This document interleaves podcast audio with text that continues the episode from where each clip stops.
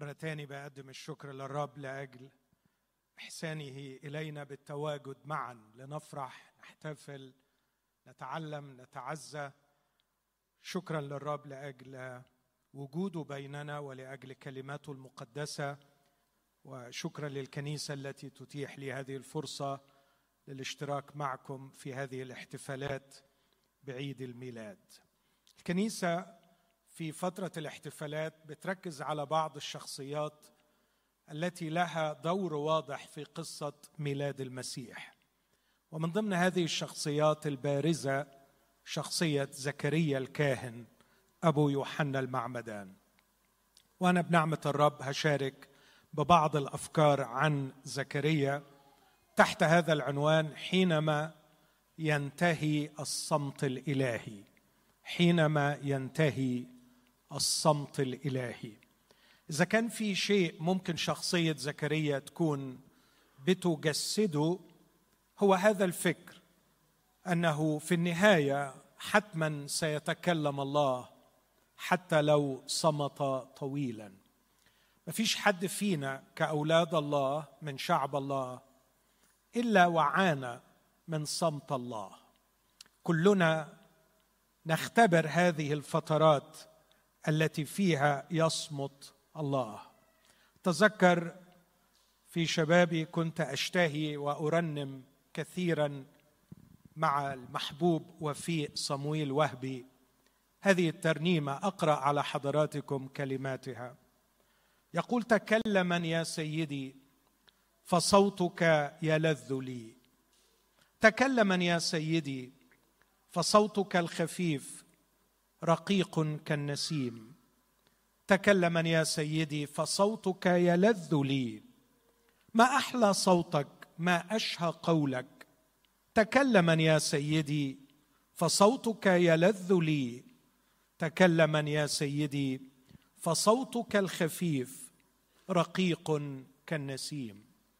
لكن ينتقل وفي ليعبر أكثر عن معاناة نعانيها جميعا كأولاد الله. فيقول في العدد الثاني لا تصمتن يا سيدي فصمتك يخيفني. لا تصمتن يا سيدي فصمتك يخيفني. تسوخ روحي داخلي أغوص في مياه بحر بلا قرار. لا تصمتن يا سيدي فصمتك يخيفني. اتوه في الظلام. أمضي بلا سلام. لا تصمتن يا سيدي. لا تصمتن يا سيدي. لا تصمتن يا سيدي. فصمتك يخيفني. تسوخ روحي داخلي. أغوص في مياه بحر بلا قرار. لكن ينهي بالعدد الثالث. فيقول تبسما يا سيدي بثغرك الحلو المنير فبسمة الرضا التي تعلوه في سرور هي منى الحياة. تعلوه في سرور هي منى الحياة. يا ربي ليس لي سواك ربي حياتي في رضاك فأنت سيدي أنت ولا سواك. يا ربي ليس لي سواك. ربي حياتي في رضاك. تبسما يا سيدي بثغرك الحلو المنير. فبسمة الرضا التي تعلوه في سرور هي منى الحياة. كان وفيء جميلا وهو يعبر عن خبرتنا الروحية. في الانتعاش الذي يملأ قلوبنا حينما يتكلم الله.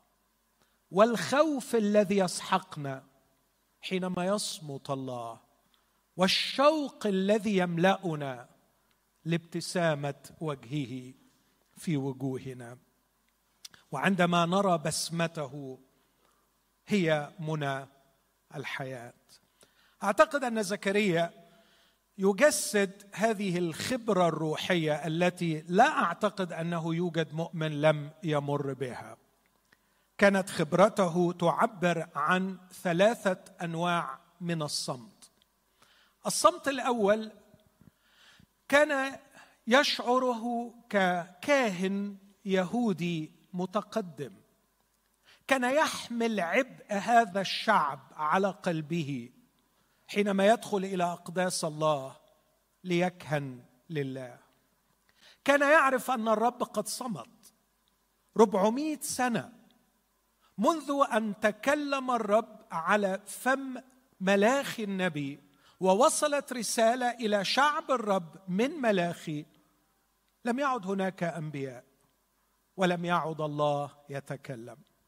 لا أعرف كيف كانت خبرته ككاهن يخدم الله بين شعب محروم من كلام الله. في أيام صموئيل النبي اجتاز الشعب في خبرة مؤلمة كهذه. سجلها الروح القدس بهذه الكلمات يا أحبائي اسمعوها. يقول كانت كلمة الرب عزيزة في تلك الأيام. لم تكن هناك رؤيه كثيرة. وكأنه يقول إن أسوأ حالة يجتاز فيها شعب الله عندما يحرم شعب الله من نبي يتكلم لهم. بكلام الله. هل غضبت علينا؟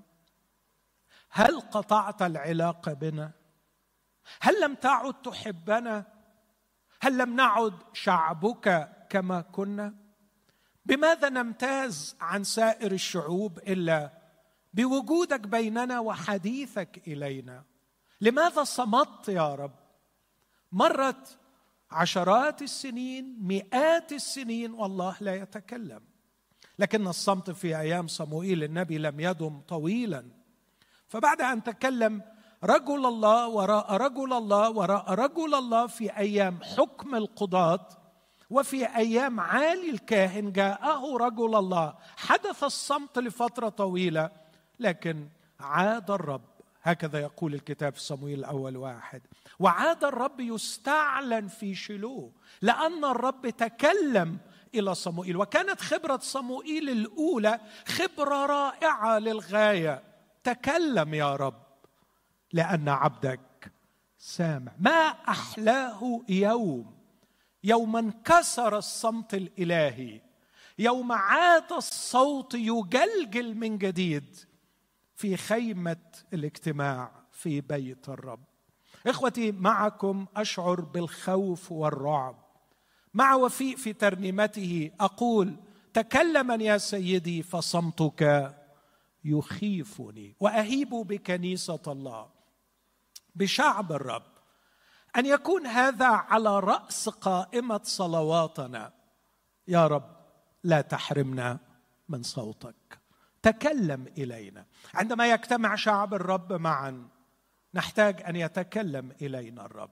لا نحتاج إلى محاضرات لاهوتية نحتاج إلى المحاضرات اللاهوتية في وقتها.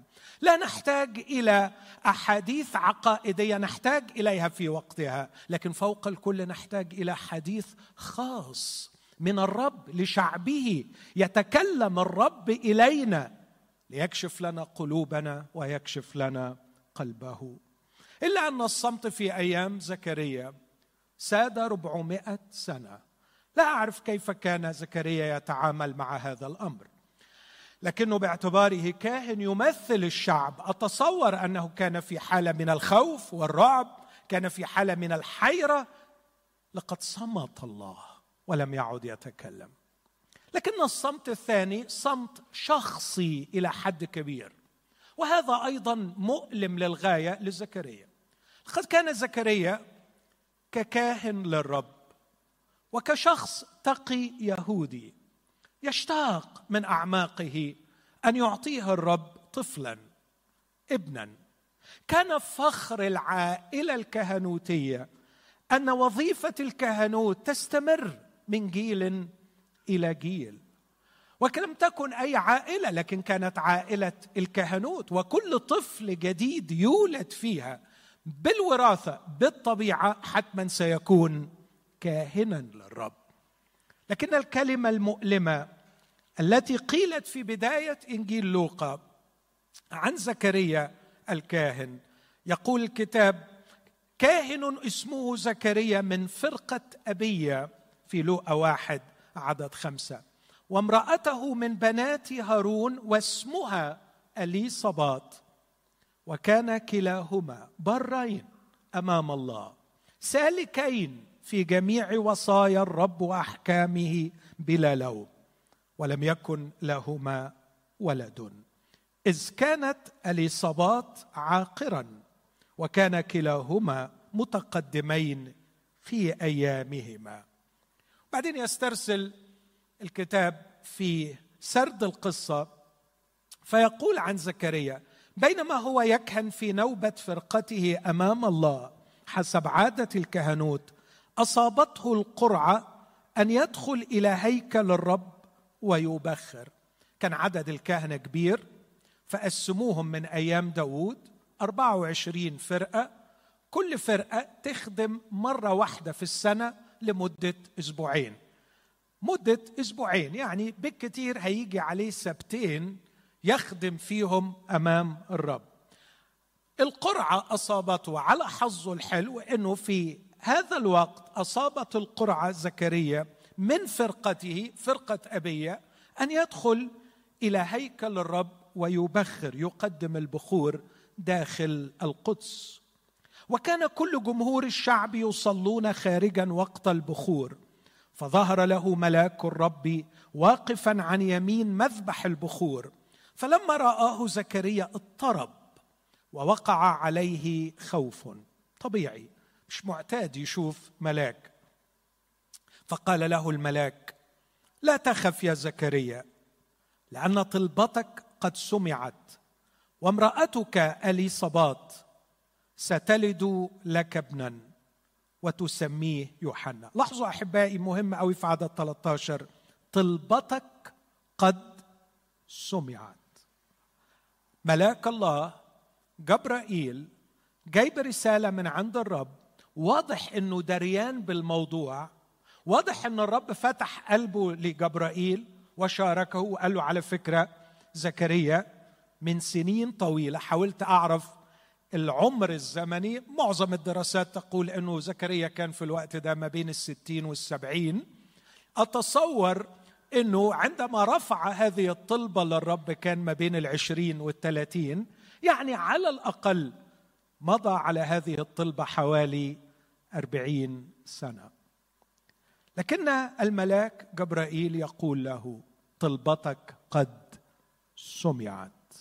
إن طلبتك قد سمعت وامرأتك وامرأتك اليصابات ستلد لك ابنا وتسميه يوحنا. حنان الله الذي يفتح أحشاءه في الوقت المناسب ويعطي عطاياه الصالحة.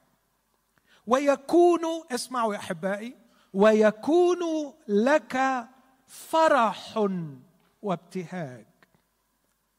وكثيرون سيفرحون بولادته. فرح مؤجل منذ أربعين عاما. ربما لم تدخل البسمة هذا البيت. ربما كانت هناك حالة من الحزن تسود البيت. لا أقول ربما بل أجزم أن الحزن كان يسود. فليس من السهل اطلاقا على رجل يهودي كاهن أن يحرم من طفل أن يحرم من ابن. حتى ولو كان مؤمنا تقيا. أعتقد أن الحزن كان يسود.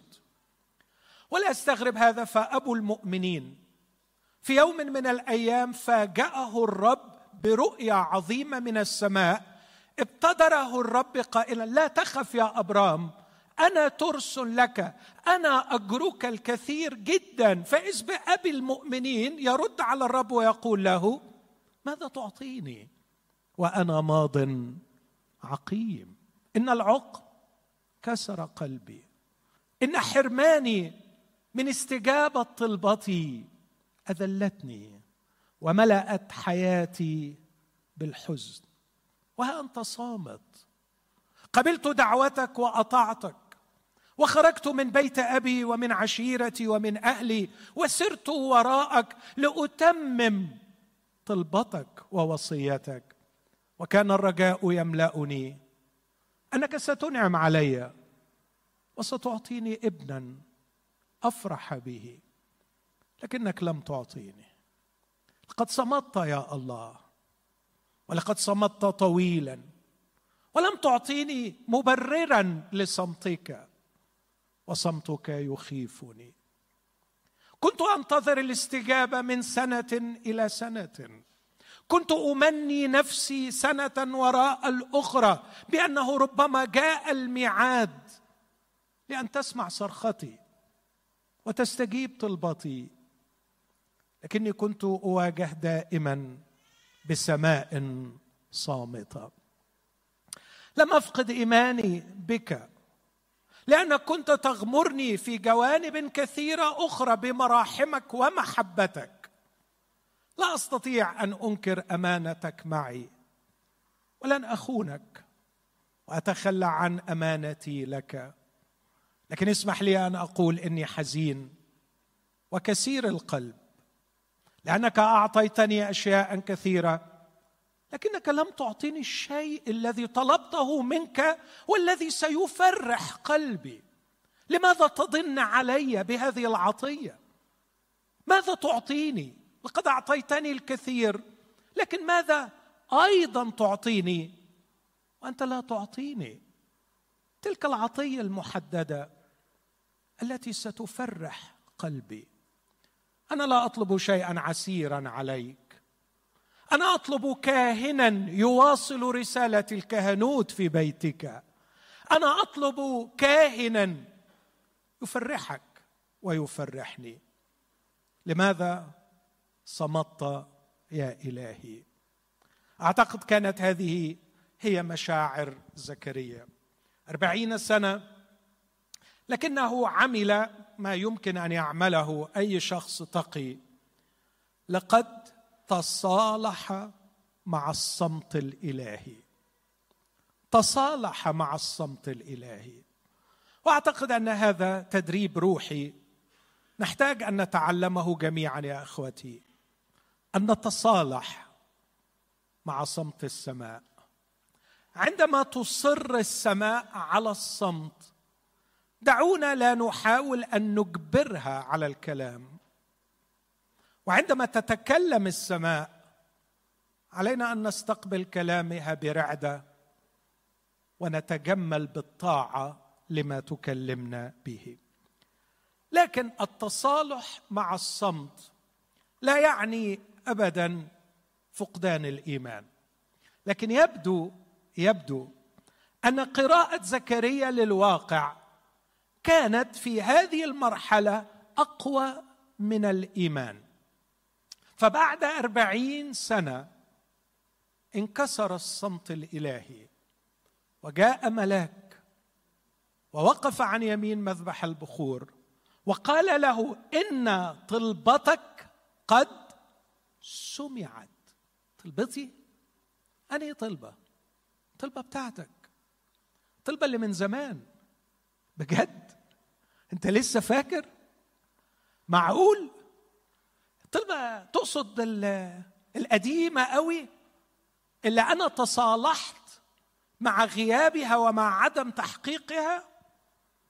الطلبة اللي اللي كنا بنحلم بيها أنا وأليصابات آه طلبتك قد سمعت وامرأتك أليصابات ستلد لك ابنا وتسميه يوحنا تأكيدا لوعد الرب وتاكيدا لأحشاء حنان إلهنا. ويكون لك فرح وابتهاج فرح. بعد أربعين سنة أنا هفرح بطفل يولد. كان الفرح لي وقته زمان أيها الملاك الجليل. هل الآن وقت فرح وأنا في هذه الشيخوخة؟ يكون لك فرح وابتهاج وكثيرون سيفرحون بولادته. وربما ربما أستنتج كأن الملاك يقول له إذا جاءك من أربعين سنة كنت هتفرح أنت بيه لوحدك لكن دلوقتي هتفرح وكمان كل شعب الرب سوف يفرح بولادته. لأنه يكون عظيما أمام الرب. يمكن لو اديتهولك من أربعين سنة كان هيبقى إنسان عادي. لكن بعد انتظار أربعين سنة هذا الطفل سيكون عظيما أمام الرب. لا أعرف كم واحد في كل التاريخ قيل عنه عظيما أمام الرب. إخوتي الأحباء لا أعرف مشاعر أب يقال له أن ابنك سوف يكون عظيما مش في الأرض عظيما مش في القصر لكن عظيما امام الرب لا أعرف. ماذا تكون مشاعر أب يقول له الله شخصيا عن طريق جبرائيل إن ابنك سيكون عظيما أمام الرب. ويقول له وخمرا ومسكرا لا يشرب. حلو مش جديدة.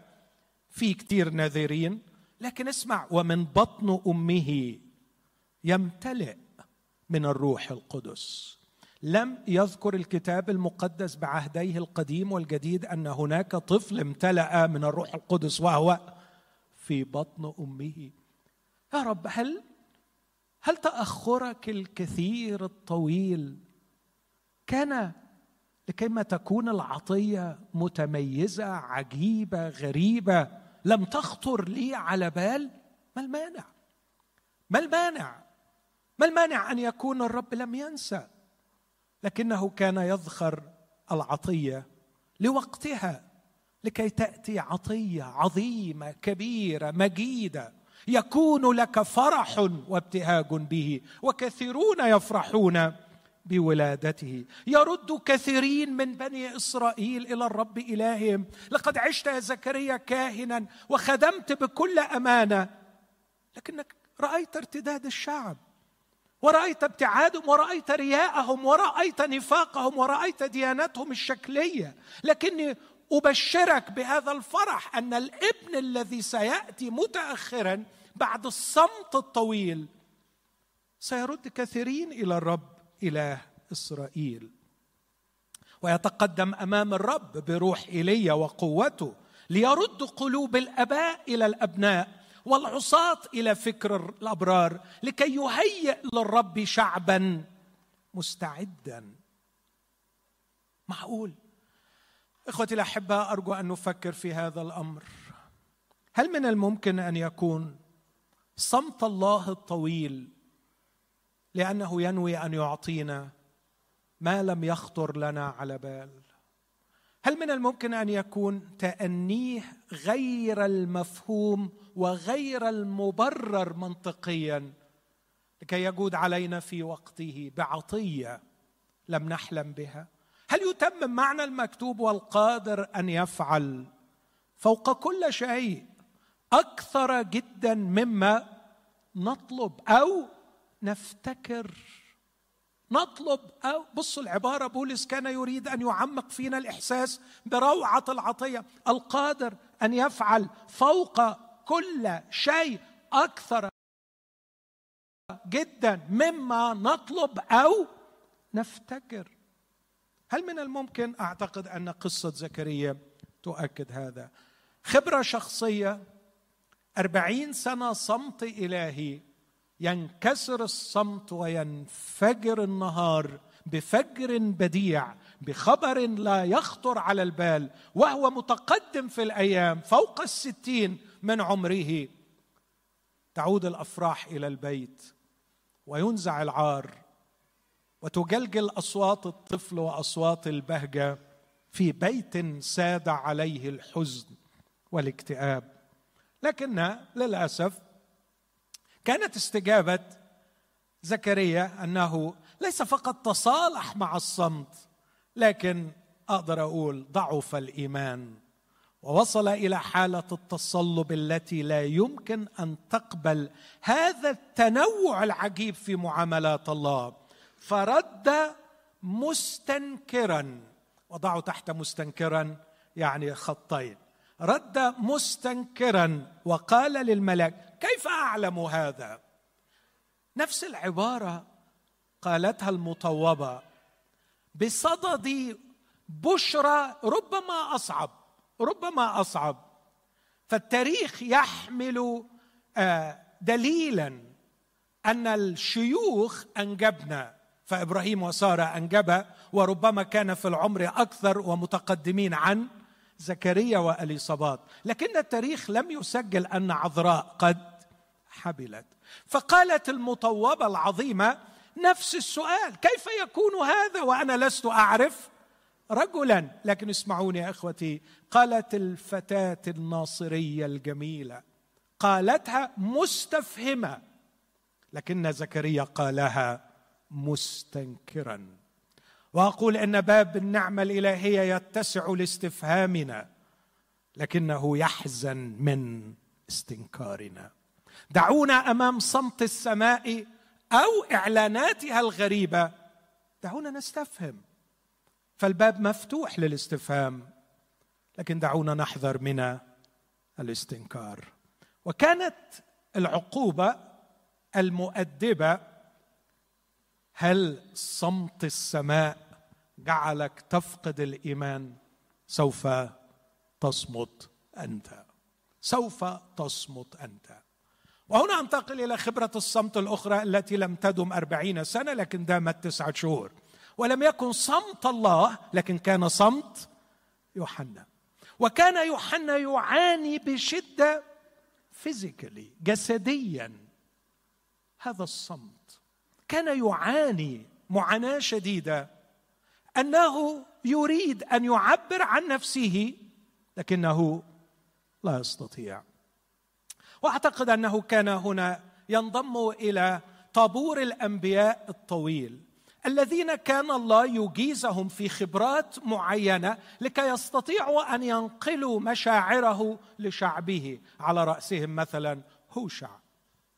الذي أمره الرب أن يحب امرأة زانية ويتزوج بها كمحبة الرب لبني إسرائيل. روح يا هوشع. روح قول لهم مشاعري من ناحيتهم. روح قول لهم قلبي موجوع قد إيه. حاضر يا رب. عايزني أقول لهم إيه؟ قول لهم إنكم خنتوني كما تخون المرأة رجلها. قول لهم يا هوشع إن أنا حبيتهم أحببتهم فضلا لكنهم للأسف زاغوا من ورائي وخانوا عهدي. حاضر يا رب. ويروح هوشع ويقول لهم على فكرة الرب أحبكم وأنتم خنتوه كخيانة المرأة لرجلها فيخرج كلامه باردا جامدا دون إحساس. فاذ بالرب يأتي به إلى بوتقة الألم. ويأمره أن يدخل في هذه التجربة القاسية أن يتزوج بامرأة تخونه. ويعود هوشع لكي ما يكلم الشعب عن خيانتهم للرب لكن بروح مختلفة. وهو يستشعر في أعماقه ألم الخيانة. كانت الرسالة مختلفة جذريا عن رسالته الأولى. أحبائي إن رأس مال خدام الله الأتقياء ليس ما يتعلمونه على المكاتب لكن ما يجتازونه في بوتقة الألم. والله يعلمهم خبراتيا يعلمهم بالنحت في مشاعرهم في الداخل. يعلمهم لكي يهيئهم. كيف ينقلوا رسالة الله لشعبه؟ زكريا هل تعلم حجم الألم الذي كان في قلبي؟ وأنا صامت عن الكلام مع شعبي. اوعى تظن أن كان صمتي يريحني. كان صمتي يخيفكم يا زكريا. وفي نفس الوقت كان يؤلمني. فأنا إله متكلم. أنا إله أحب أن أتكلم. إن أقنوم اللاهوت المعبر عن الله اسمه الكلمة. نحن نعبد إلها. لا يحب الصمت. لكن للأسف كانت خيبتكم الروحية وفشلكم الروحي الذي يشهد عليه سفر ملاخي هو الذي جعلني أصمت. لم يكن السبب الوحيد لكن كان أحد الأسباب. كنت أحب أن أتكلم لكن خزي عالي الكاهن وشر أولاده منعني من الكلام. قصة لطيفة بحكيها كتير قوي ويمكن بعضكم سمعها مني قبل كده. عن هذا الإله الجميل الذي نعبده. على فكرة هو بيحب يتكلم بيحب يتكلم. قصة بحكيها عن صديق عزيز في مدينة المنيا. زرته وهو مريض. كان مر في حادث مؤلم. وهو على فراش المرض. جلست أتحدث معه لعلي أعزيه. فشاركني بهذا الاختبار. قال لي من زمان لما عرفت المسيح جديد. حبيت الكتاب المقدس قوي. وقريت سفر التكوين لقيته جميل مبهج مفرح اتعلمت حاجات كتير. بدأت أقرأ في سفر الخروج مش الحال معايا أول 24 أصحاح وبعدين دخلت في خيمة الاجتماع الدنيا ضلمة مش فاهم أي حاجة كله كلام كده عجيب وغريب. لكن بقى يا صاحبي وصلت لسفر اللاويين ولقيت الدنيا ضلمة على الآخر. أنا مش فاهم أي حاجة مش فاهم أي حاجة. فبلغته الجميلة المنياوية قال لي رحت لأحد الخدام في جمعية خلاص النفوس. وقلت له أنا أنا مش فاهم سفر اللاويين وعمال أقرأ مش بتعزى ومش بتعلم أي حاجة. فقال له معلش ده صعب عليك أنت لسه بادي جديد سيبه وادخل على سفر العدد. فروح البيت حزين وقال للرب يعني هو أنا علشان غلبان ما فهمش كلامك أنا هجراه وأنت هتكلمني. وابتدى يقرأ سفر اللوين وما فهمش أي حاجة. وقرأ مرة تاني وما فهمش أي حاجة. بس لاحظ حاجة إن كل شوية يقول وكلم الرب موسى وكلم الرب موسى وكلم الرب موسى وكلم الرب موسى. فبعد ما خلص السفر قال يا أبوي ده أنت رغاي جوي يا رب. ده أنت بتتكلم كتير جوي يا رب. أنت بتتكلم كتير يا رب. لكن أنا هذه القصة اللطيفة بهذه العبارة التي لم تزل تؤثر في إلى الآن. قال بعد كده درست سفر اللاويين؟ من أعظم الشروحات وفهمته. لكن ظل ما يعزيني وقت ألمي. وما يعزيني الآن وأنا على فراش المرض مش شرح سفر اللوين. لكن الحقيقة أن الله يتكلم ويتكلم كثيرا. الله بيحب إنه يتكلم. وكلم الرب وكلم الرب وكلم الرب. إخوتي إن كان الإنسان يتألم قيراط من صمت الله فالله يتألم 24 لأن الله إله يحب أن يتكلم. في أول ظهور لملاك الرب والذي هو الرب نفسه هو الرب يسوع ظهر في تكوين 16 لهاجر التي رأت الرب وسمت الرب اسما بديعا. من خلال تسميتها للبئر دعت اسم البئر بئر لحي رؤي. لحي رؤي والترجمة الدقيقة بالإنجليزية بئر الإله الذي يكشف نفسه. God who reveals himself. الإله الذي يحب أن يعبر عن نفسه. زكريا عايزك ترجع للشعب أخرس. علشان تستشعر عمق الألم اللي في قلبي. عندما كنت أريد أن أتكلم ولم أجد منهم أذنا صاغية سامعة. اسمعوا يا إخوتي شيئا عن حال هذه الأمة في آخر حديث من الرب إليهم في سفر ملاخي. عندما أرسل آخر نبي هقرا مجرد كلمات قليلة. يقول الرب أحببتكم قال الرب. تعرفوا الرد إيه؟ ملاخي واحد اثنين وقلتم بما احببتن بما احببتن في عدد ستة الابن يكرم أباه والعبد يكرم سيده فإن كنت أنا أبا فأين كرامتي؟ وإن كنت أنا سيدا فأين هيبتي؟ قال لكم رب الجنود أيها الكهنه المحتقرون اسمي. أنتوا بتحتقروا اسمي. عارفين الرد إيه؟ مش متأسفين يا رب. لكن بما احتقرنا بما احتقرنا غلاسة مش كده؟ أو قلة أدب. أحببتكم بما أحببتنا. احتقرتموني بما احتقرتم.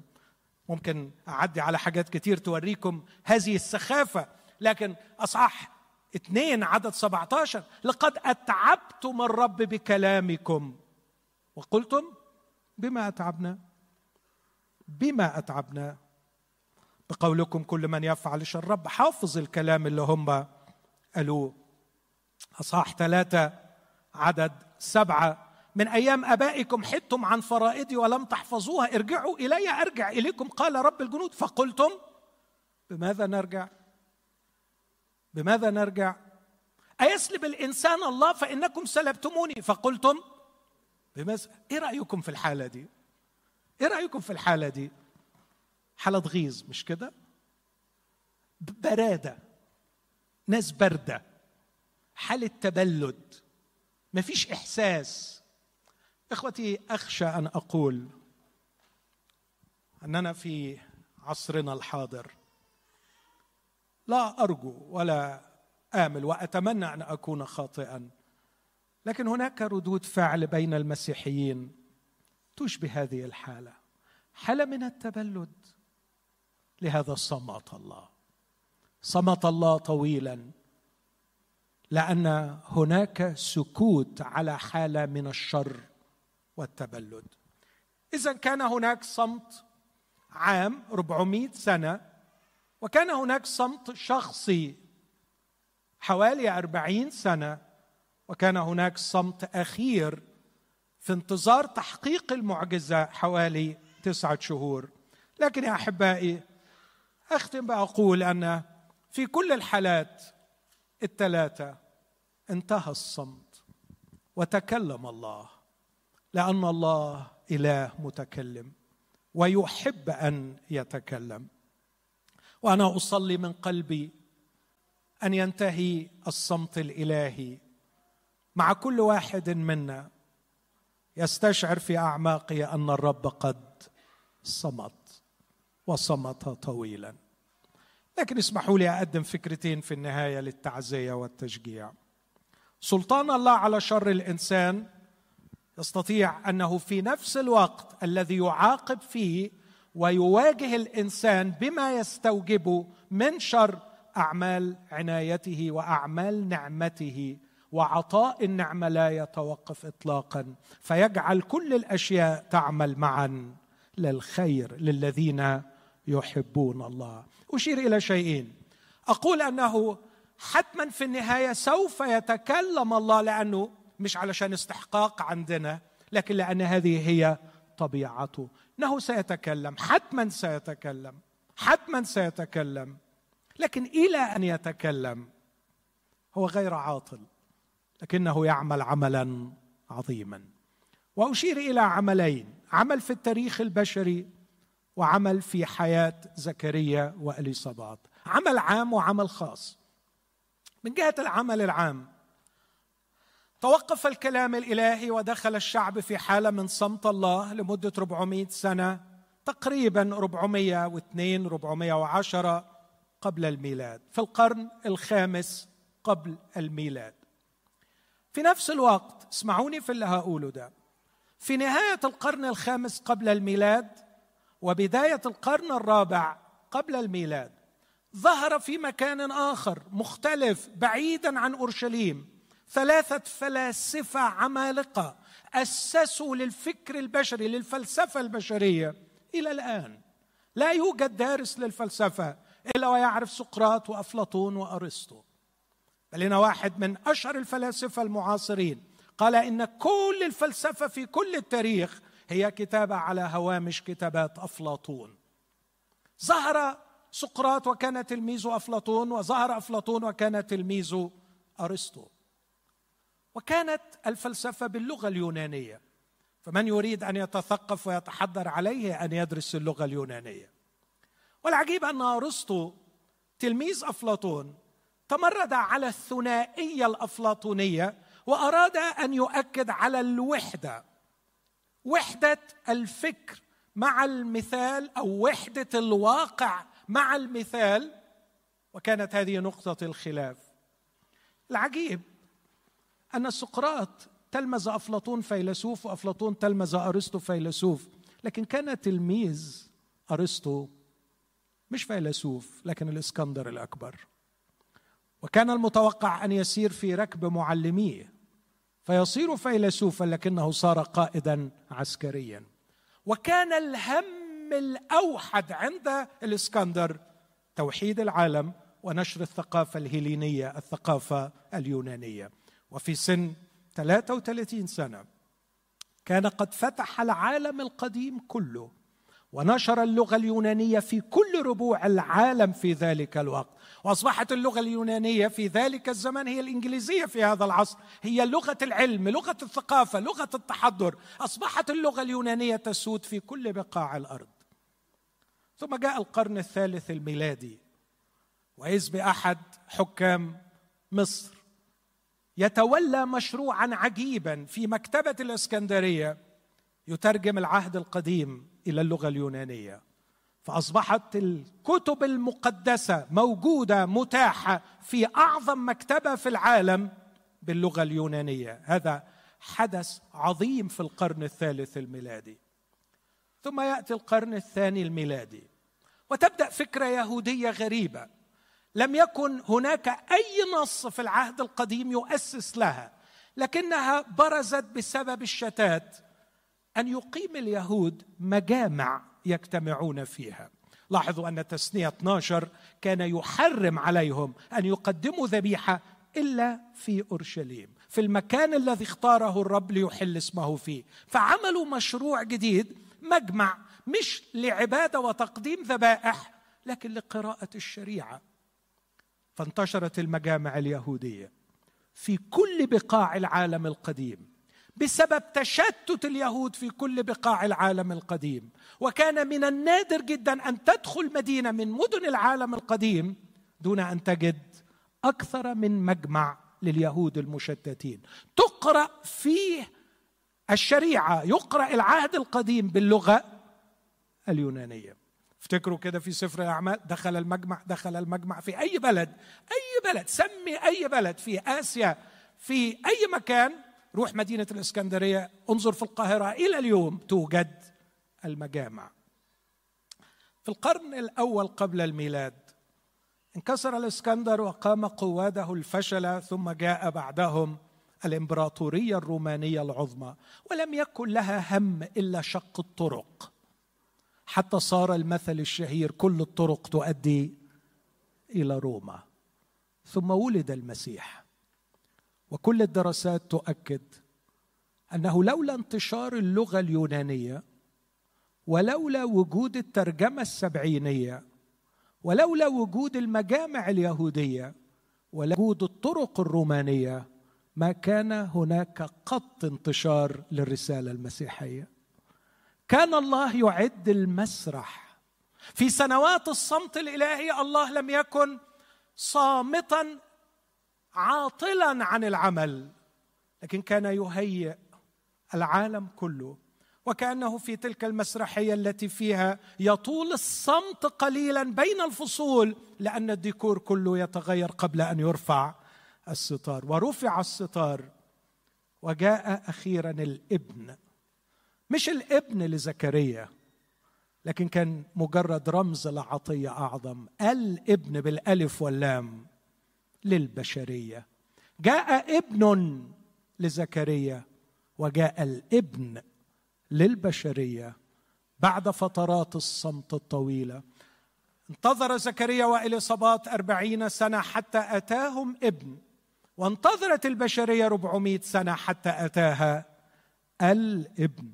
وجاءت العطية يولد لنا ولد ونعطى ابنا وتكون الرياسة على كتفه. وكما كان هناك فرح عظيم في هذا البيت الصغير بميلاد ابن زكريا. جاء الملاك ليقول ها أنا أبشركم بفرح عظيم يكون لجميع الشعب. قد ولد لكم مش ولد لزكريا لكن ميلاد يوحنا ابن لزكريا هو تجسيد للعطية العظمى ميلاد الابن لكل البشرية. فرح عظيم يكون لجميع الشعب. كان الله يعمل في سنوات الصمت. وأنا عايز أقول لنفسي وأقول لكل أخت ولكل أخ متألم هل تشعر أن السماء حديد ونحاس؟ هل لم تسمع طلبتك على مدار أربعين سنة؟ هل انكسر قلبك بالحزن والوجع بسبب صمت السماء؟ أرجوك تصالح مع الصمت. تصالح مع الصمت واقبله.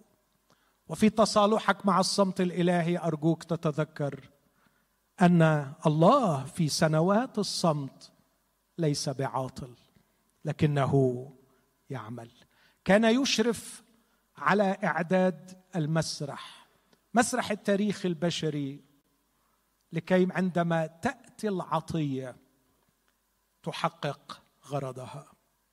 كان من المستحيل أن يكون هناك إنجيل لو لم تكن هناك اللغة اليونانية. كان من المستحيل أن تكون هناك إرساليات لو لم تكن هناك الترجمة السبعينية والمجامع اليهودية. كان من المستحيل أن ينتشر الرسل على الطرق لو لم تكن هناك الطرق الرومانية. الله يصمت لكنه في سنوات الصمت يعمل. أمين؟ الله يصمت لكنه في سنوات الصمت يعمل. والحقيقة عمله لا يقل أهمية عن كلامه لأنه بعمله يهيئنا لمجيء كلامه. لكن أختم على الجانب الشخصي. وماذا عن هذا الشخص العظيم؟ أكيد ما أعرفش لو هحلل كيف تفاعل هو واليصابات مع العقم؟ لاحظوا اليصابات لما جالها الخبر وحبلت قالت كلمة عجيبة مهمة تكشف عن المعاناة التي كانت تعيشها طوال أيامها. عدد 24 في لقا واحد بعد تلك الأيام حبلت اليصابات وأخفت نفسها خمسة أشهر. قائلة. هكذا قد فعل بي الرب في الأيام.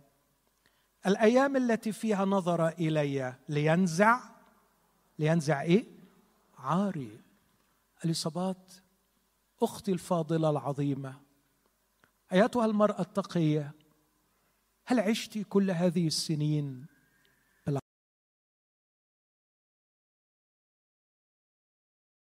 بالعار هل كسر العار قلبك يا اليصابات نعم. نعم. عاشت مكسورة. لا تستغربوا يا أخوتي لقد عاشت مكسورة. وبعد أربعين سنة من العلاقة السوية الصحيحة مع الرب كانت تستشعر العار في أعماقها. كانت متألمة. بس اسمعوا يا أحبائي تستشعر العار في أعماقها. لكن الكتاب يشهد شهادة رائعة. كان كلاهما برين أمام الرب سالكين في جميع أحكام الرب ووصاياه. أمين؟ أمين؟ إن انكسار القلب بالعار لا يبرر عدم البر. كان العار موجود والبر أيضا موجود. إن انكسار القلب بالحزن لا يبرر الخضوع للتجربة. إن انكسار القلب بالحرمان لا يبرر الزيغان بعيدا عن الرب.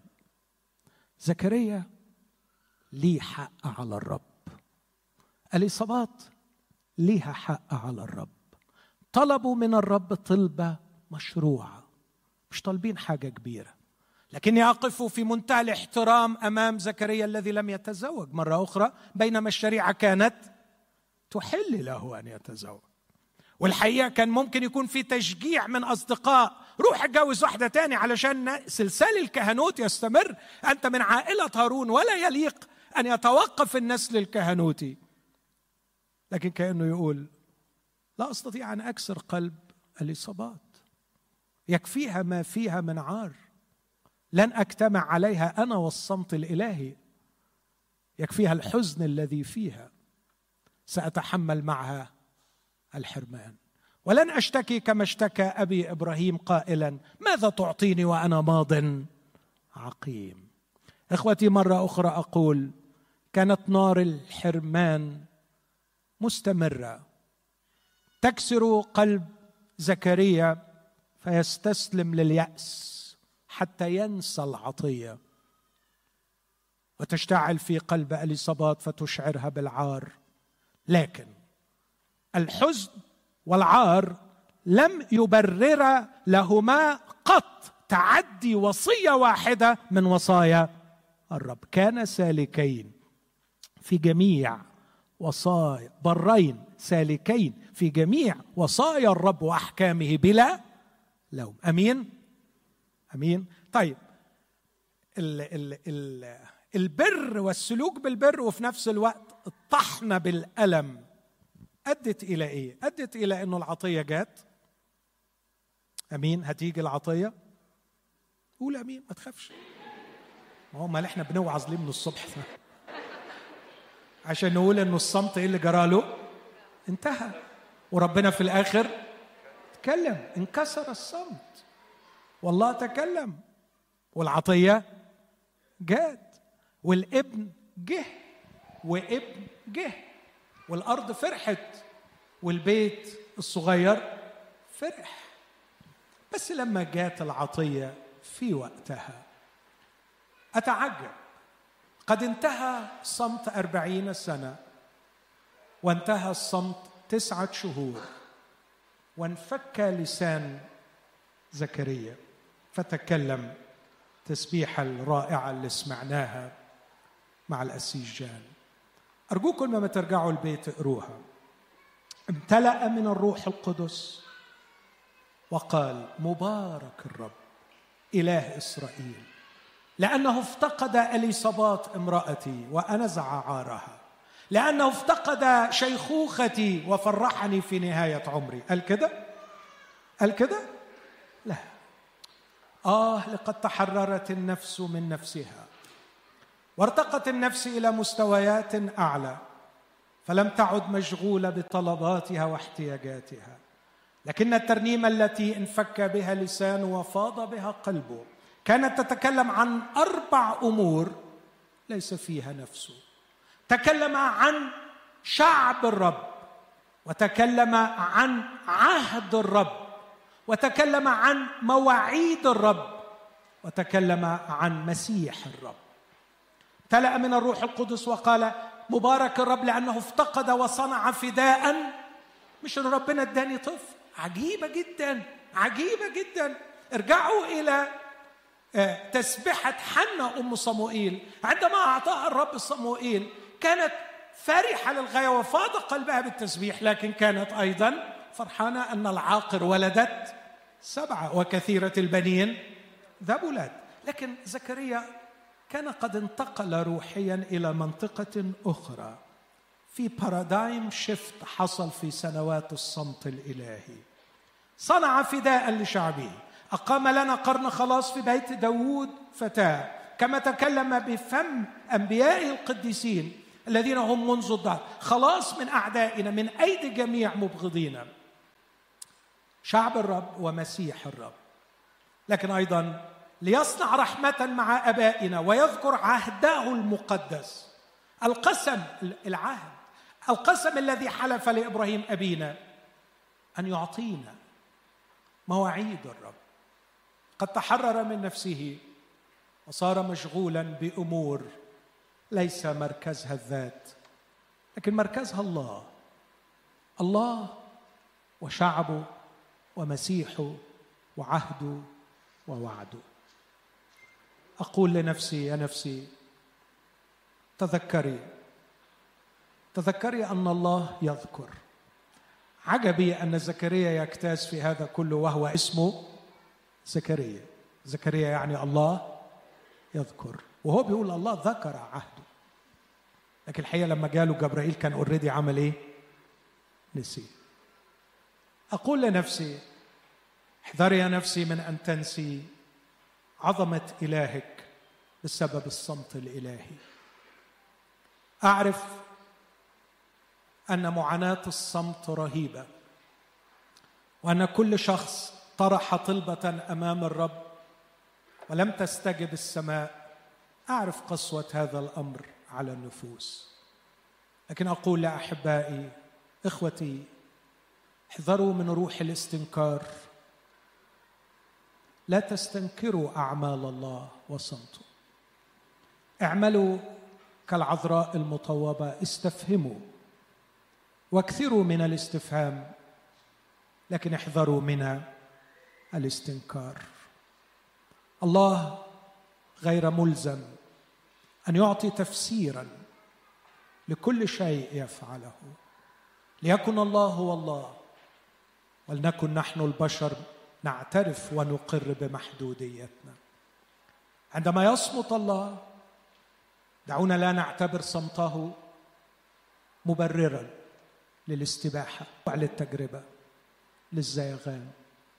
لكن دعونا نعمل كزكريا وأليصابات كان برين سالكين في جميع وصايا الرب وأحكامه. إخوتي الأحباء المتألمين من صمت السماء أرجوكم لا تظنوا أن السماء صامتة وعاطلة. فالله يصمت لكنه لا يتوقف عن العمل. إنه يعد مسرح التاريخ لأعظم عطية ويعد الشخصية لإجادة التعامل مع العطية. ربما لو كان أعطاه العطية من قبل ما كان يفرح بالرب وبشعب الرب.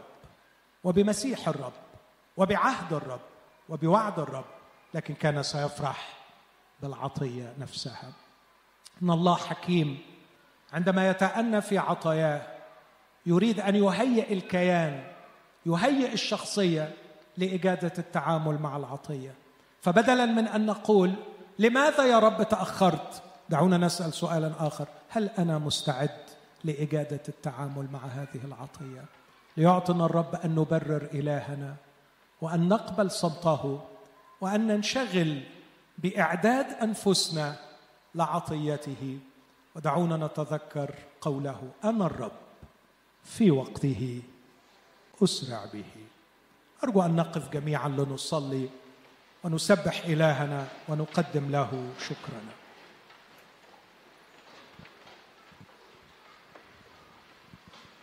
خد الدقايق اللي جاية. وانت بتتصالح مع صمت الله.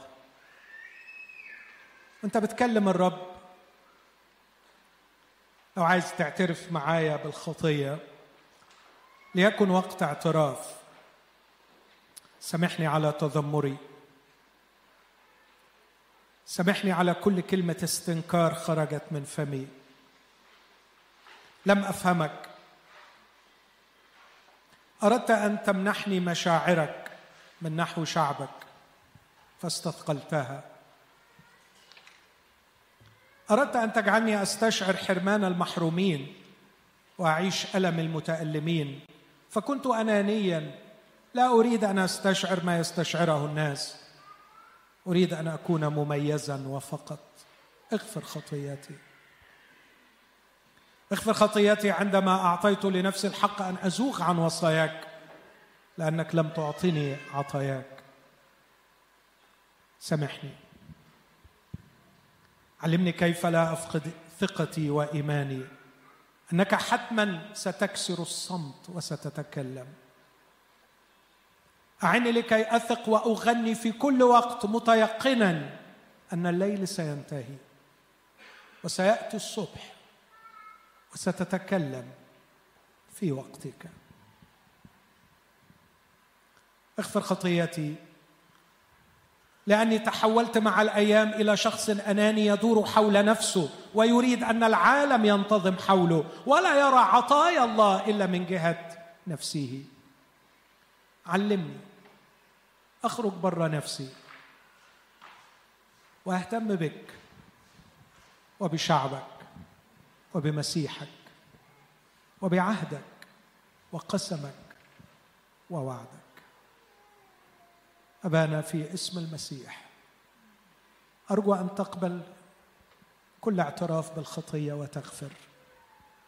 وأرجو أن تزيل كل شك وأن تملأنا من جديد بالإيمان. ونحن نبتهج بعطية السماء لنا. دعنا نتذكر من جديد أن السماء التي جادت بالعطية التي لا يعبر عنها حاشا لها أن تبخل علينا بالأمور الصغيرة في حياتنا. وعلمنا أن نبتهج بالفرحة الكبرى ولا ننشغل بالأفراح الصغرى. دعنا نثق أن هذه كلها تزاد لنا. في اسم المسيح. آمين.